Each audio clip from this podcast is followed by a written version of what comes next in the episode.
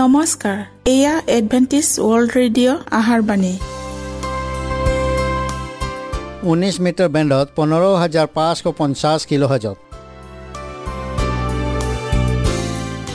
Adventist World radio যোগে অসমীয়া ভাষাত প্ৰচাৰিত আহাৰবাণী প্ৰত্যেক বুধবাৰ আৰু দেওবাৰ সন্ধিয়া সাত বজাত আহাৰবাণী শুনাৰ পিছত আপোনালোকৰ কিবা মন্তব্য আৰু প্ৰশ্ন থাকিলে আমালৈ এই ঠিকনাত লিখক। আমাৰ ঠিকনাটি হৈছে Adventist world radio' seven day Adventist মণ্ডলী অসম শাখা লতাকাটা বশিষ্ঠ গুৱাহাটী সাত আঠ এক শূন্য দুই ন।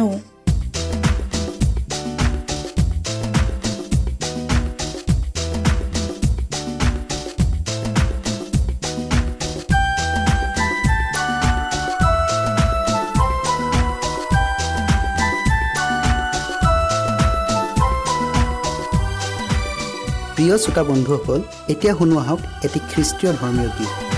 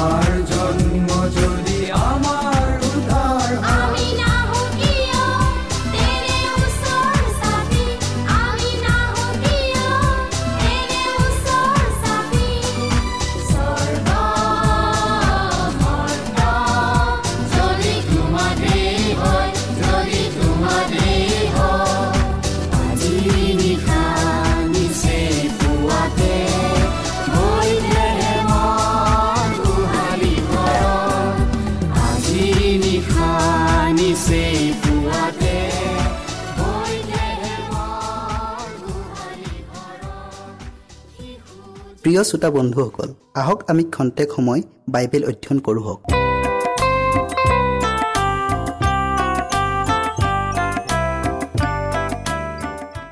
খ্ৰীষ্টত বৃদ্ধি পোৱা।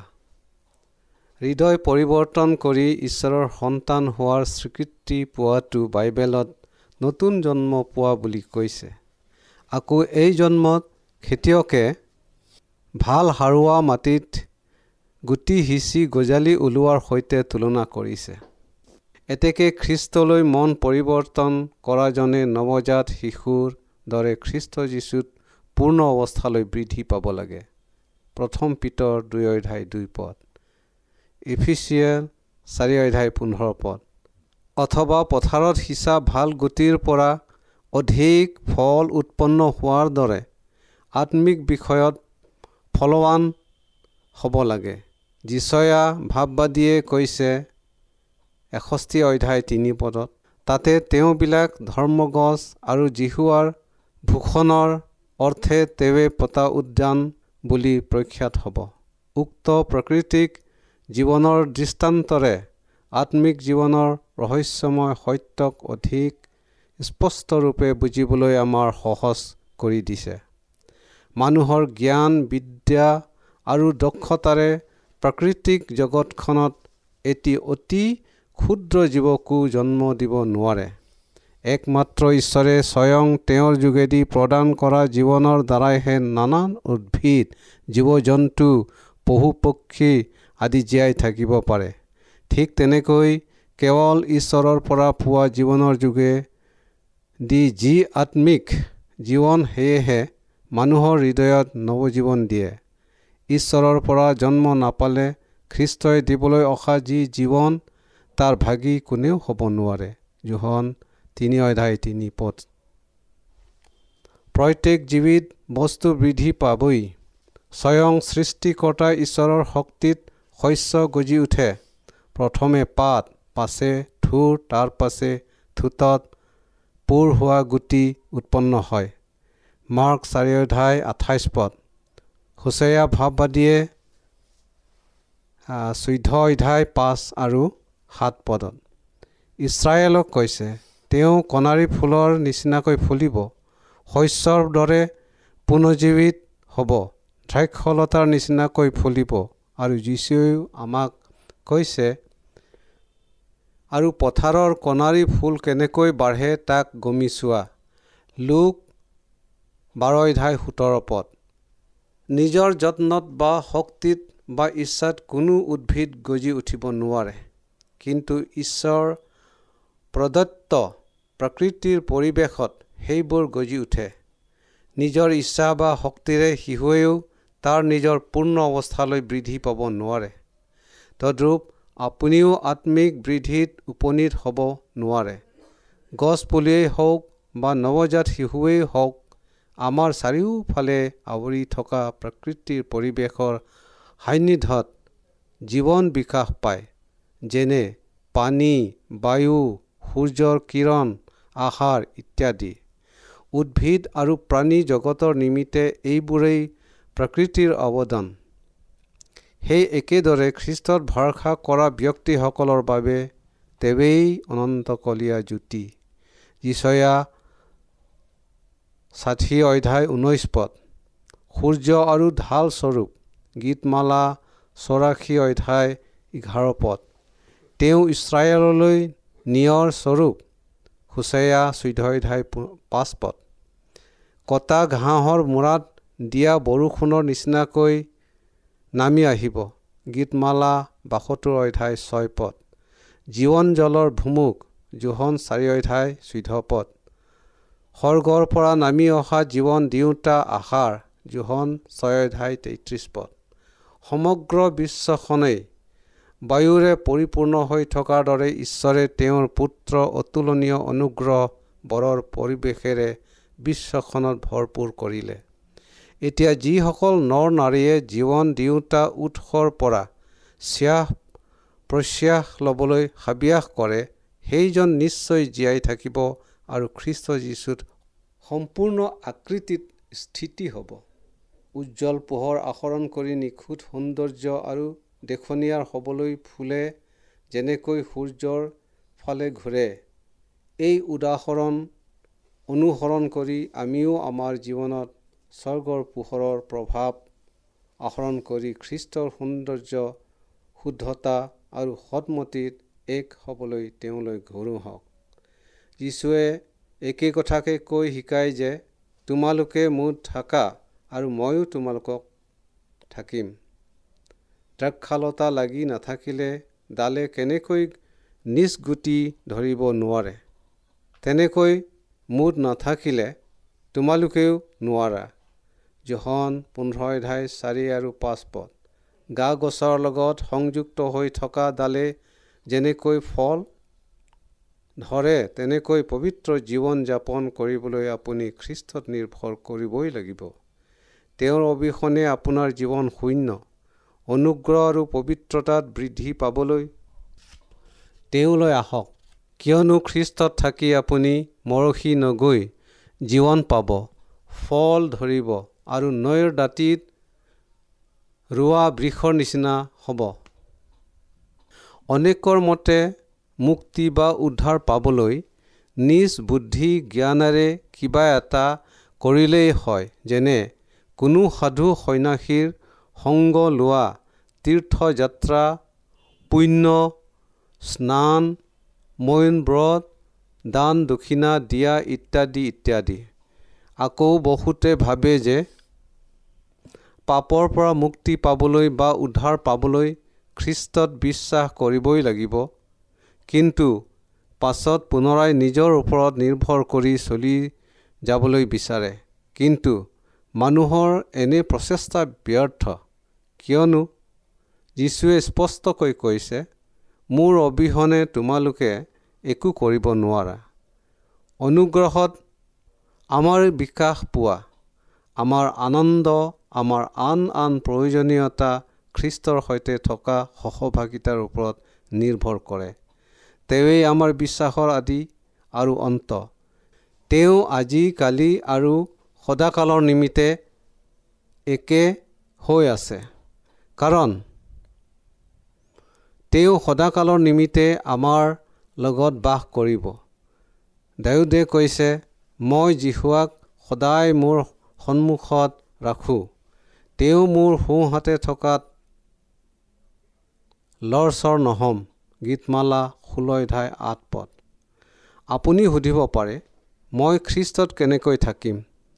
শাস্ত্ৰত কৈছে এতেকে তোমালোকে প্ৰভু যীশুক যেনেকৈ গ্ৰহণ কৰিলা তেনেকৈ তেওঁ চলা কলচীয়া দুই অধ্যায় ছয় পদ।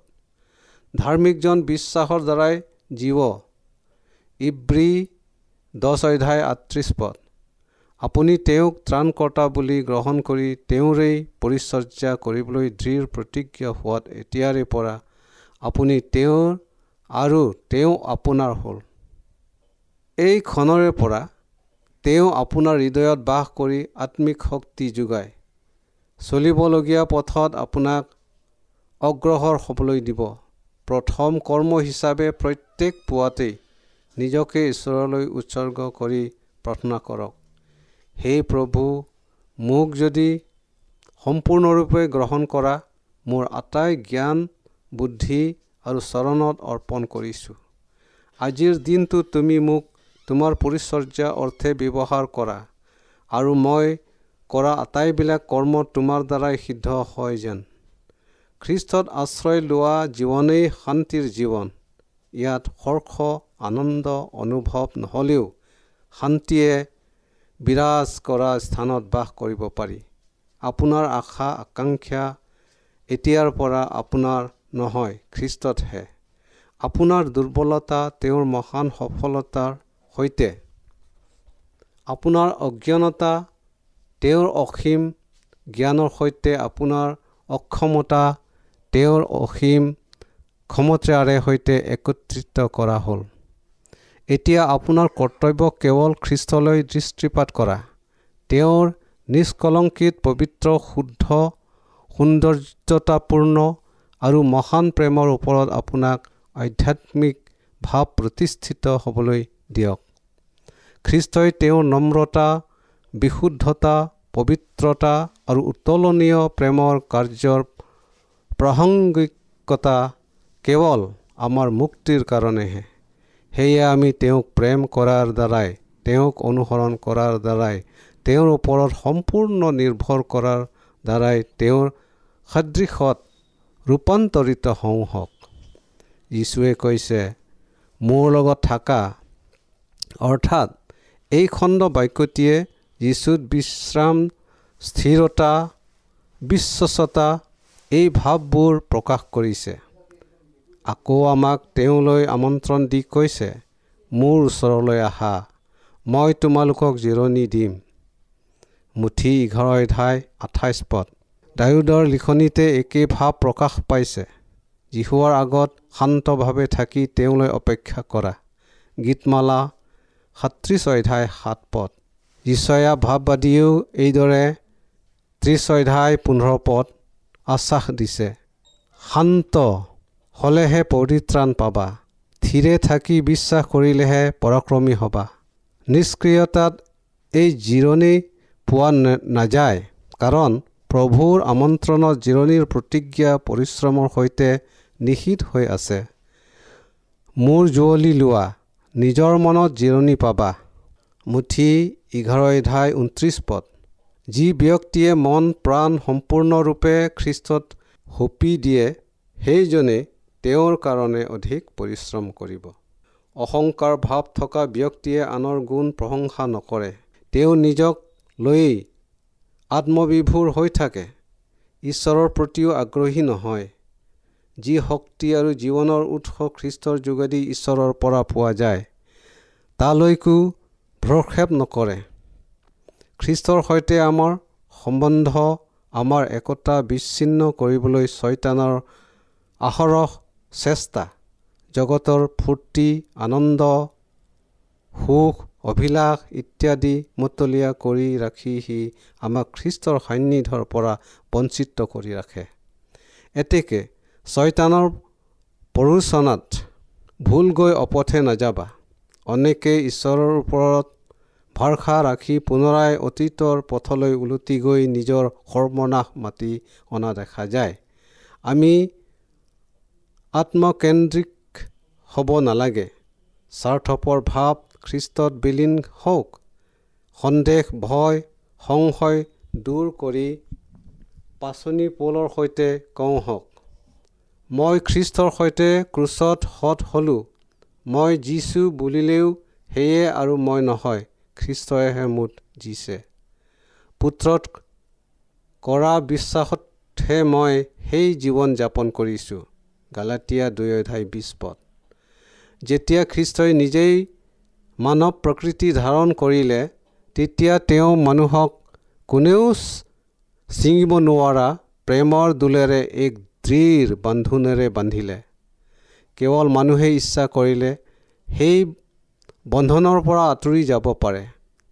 মহা শত্ৰু ছয়তানে একেৰাখে নানা প্ৰলোভনেৰে এই বন্ধন ছিঙিবলৈ ফুচলায় যাতে আমি খ্ৰীষ্টৰ পৰা নিজে আঁতৰি থাকোঁ।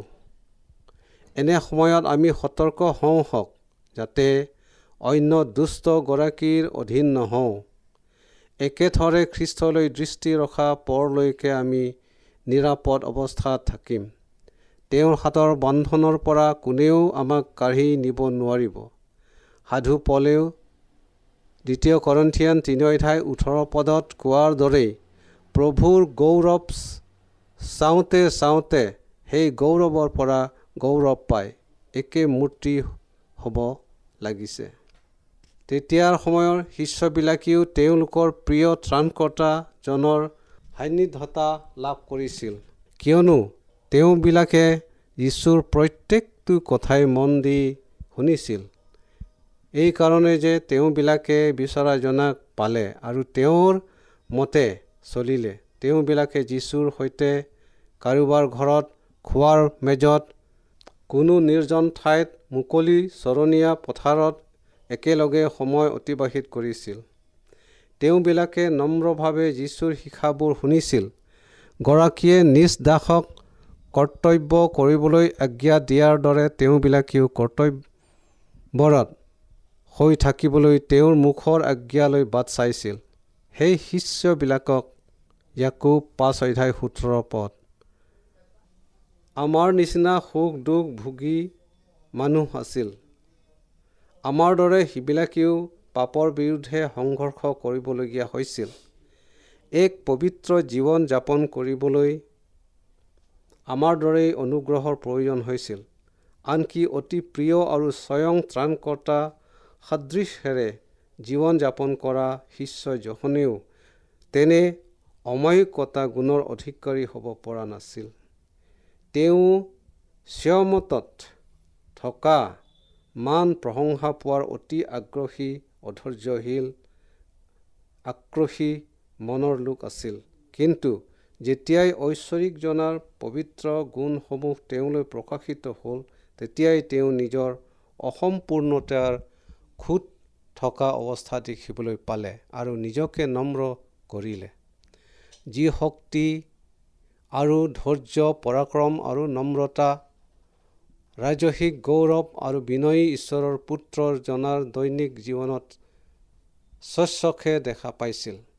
সেয়াই তেওঁৰ অন্তৰ শ্ৰদ্ধা আৰু প্ৰেমেৰে ভৰপূৰ কৰি দিলে। তেওঁৰ হৃদয় প্ৰতিদিন এনেভাৱে খ্ৰীষ্টৰ প্ৰতি আকৰ্ষিত হ'বলৈ ধৰিলে যে তেওঁ নিজ প্ৰভুৰ প্ৰেমত লীন হৈ গ'ল। খ্ৰীষ্টৰ পুনৰ গঢ়ি লোৱা শক্তিক তেওঁৰ আটাই পুৰণি স্বভাৱবোৰ নাইকিয়া হ'ল।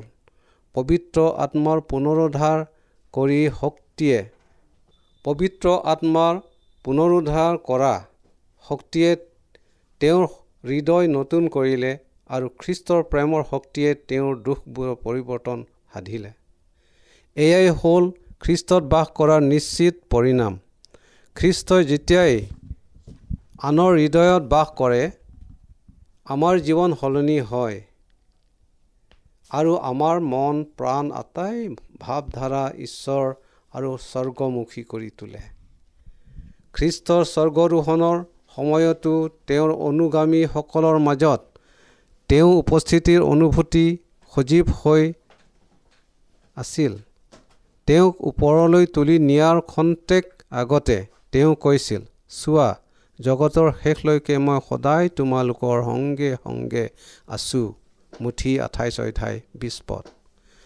খ্ৰীষ্টৰ স্বৰ্গৰোহণৰ পাছত শিষ্যবিলাকে একগোট হৈ থাকি শ্ৰদ্ধা আৰু ভক্তিত গদগদ হৈ তেওঁৰ সেই একেই আশ্বাসযুক্ত বাণীকেই সমস্বৰে পুনৰ উচ্চাৰণ কৰিলে। পিতৃৰ আগত যদি কিবা খোজা তেন্তে মোৰ নামেৰে তোমালোকক তাক দিম। এতিয়ালৈকে মোৰ নামেৰে তোমালোকে একো খোজা খোজা নাই। তোমালোকৰ আনন্দ যেন সম্পূৰ্ণ হয়। এইকাৰণে খোজা তেহে পাবা। জোহন ষোল্ল অধ্যায় তেইছ আৰু চৌবিছ পদ। তেওঁবিলাকে বিশ্বাসৰ হাতত অধিক অধিককৈ ওপৰলৈ তুলি বলিষ্ঠ যুক্তিৰে কৈছিল যিজনা মৰিল এনেকি মৃতবিলাকৰ মাজৰ পৰা তোলাও হ'ল? সেইজনা খ্ৰীষ্ট যীশু তেওঁ ঈশ্বৰৰ সোঁফালে থাকি আমাৰ কাৰণে নিমন তেওঁ ঈশ্বৰৰ সোঁফালে থাকি আমাৰ কাৰণে নিবেদনো কৰি আছে। ৰুমিয়া অধ্যায় চৌত্ৰিছ পদ। যীশুৱে কৈছিল যিজনাই তোমালোকৰ লগত থাকিব জোহন চৈধ্য অধ্যায় সোতৰ পদ চাওক। সেই সান্তনাদাতা জনা পঞ্চাছদিনীয়া পৰ্বৰ দিনা উপস্থিত হ'ল। যীশুৱে আৰু কৈছিল মই যোৱাই তোমালোকৰ হিতহে। কিয়নো মই নগ'লে তোমালোকলৈ সেই সহায়কৰ্তা নাহিব। কিন্তু মই গ'লে তোমালোকলৈ তেওঁক পঠাই দিম। জোহন ষোল্ল অধ্যায় সাত পদ। এতিয়াৰে পৰা আত্মাৰ ৰূপত খ্ৰীষ্ট সদায় তেওঁৰ সন্তানবিলাকৰ হৃদয়ত বাস কৰিব। আৰু সেই আত্মাৰ দ্বাৰাই অনুপ্ৰাণিত হৈ আনক খ্ৰীষ্টৰ বিষয়ে সাক্ষ্য প্ৰদান কৰিব। এনে সাহস দেখি আৰু তেওঁলোক অপনীত সামান্য মানুহ যেন বুজি। তেওঁবিলাকে বিস্ময় মানিলে। আৰু তেওঁলোক যীশুৰ সংগী আছিল বুলি তেওঁলোকক চিনি পালে। পাচনি কৰ্ম চাৰি অধ্যায় তেৰ পদ। যীশুৱে তেওঁৰ সৰু দলটো গোট খুৱাই এই শেষ প্ৰাৰ্থনা কৰিছিল। তেওঁ প্ৰাৰ্থনাত কৈছিল কেৱল এওঁবিলাকৰ নিমিত্তে মই নিবেদন কৰোঁ এনে নহয়। কিন্তু এওঁবিলাকৰ বাক্যৰ দ্বাৰাই মোত বিশ্বাস কৰা সকলোবিলাকৰ নিমিত্তেও নিবেদন কৰোঁ। জোহন সোতৰ অধ্যায় বিছ পদ। ইয়াৰ উপৰিও আমি আটাইয়ে যেন এক হওঁ তাৰ বাবে যীশুৱে প্ৰাৰ্থনা কৰিছিল। কিয়নো তেওঁ স্বৰ্গীয় পিতৃৰ সৈতে এক আছিল। তেওঁ নিজৰ বিষয়ে কৈছে পুত্ৰই নিজে একো কৰ্ম কৰিব নোৱাৰে কিন্তু পিতৃয়ে মুঠ থাকি তেওঁৰ কাৰ্যবোৰ সাধন কৰে। জহন পাঁচ অধ্যায় ঊনৈছ আৰু চৈধ্য অধ্যায় দহ পদত চাওক। এতেকে আমি জানো যে খ্ৰীষ্ট আমাৰ হৃদয়ত বাস কৰি তেওঁৰ কৰ্মও আমাক সিদ্ধ কৰিব কিয়নো ঈশ্বৰে নিজৰ হিত সংকল্পৰ কাৰণে তোমালোকৰ অন্তৰত ইচ্ছাস কৰা আৰু কাৰ্য সাধন কৰা এই উভয়ৰ সাধনকৰ্তা হৈছে।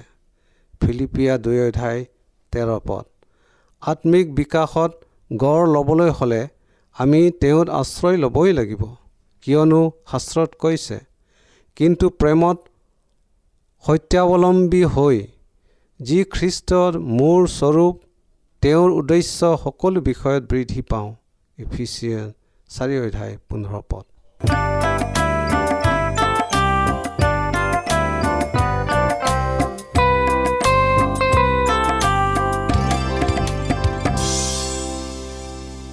মনত ৰাখিব আমাৰ ঠিকনাটি পুনৰ কৈ দিছোঁ।